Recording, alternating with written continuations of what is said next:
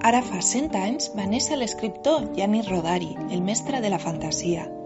Al seu llibre Contes per telèfon ens explicava la història del senyor Bianchi, un representant de comerç que passava fora de casa sis dies a la setmana. Perquè la seva filla no es quedés sense conte per les nits, cada dia la trucava per telèfon i li explicava un conte, un conte de bona nit.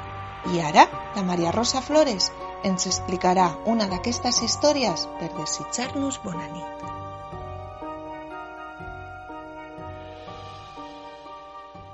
U i set.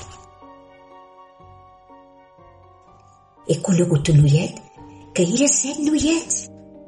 Vivia a Roma. Es deia Paolo i el seu pare era tramviaire. Però també vivia a París. Es deia Jean i el seu pare treballava en una fàbrica d'automòbils. Però també vivia a Berlín i s'hi deia Kurt i el seu pare era professor de violoncel. Però també vivia a Moscou.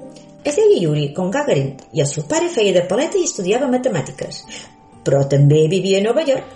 Es deia Jimmy i el seu pare tenia una gasolinera. Uh, quant n'he dit fins ara? Mm, cinc. Me'n falten dos. L'un es deia Chu, vivia a Xangai i el seu pare era pescador.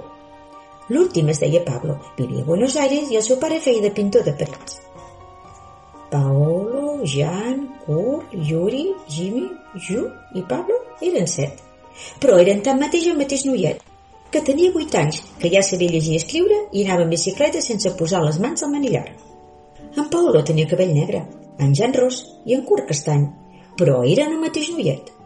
Yuri tenia la pell blanca, Xula tenia groga, però eren el mateix noiet. En Pablo anava al cinema en castellà i Jimmy en anglès, però eren el mateix noiet. I reien en una mateixa llengua. Ara han crescut tots set i ja no podran fer-se la guerra, perquè tots set són un sol home. I demà a la mateixa hora, un nou conte per telèfon, embolicant la troca. Bona nit i que descanseu.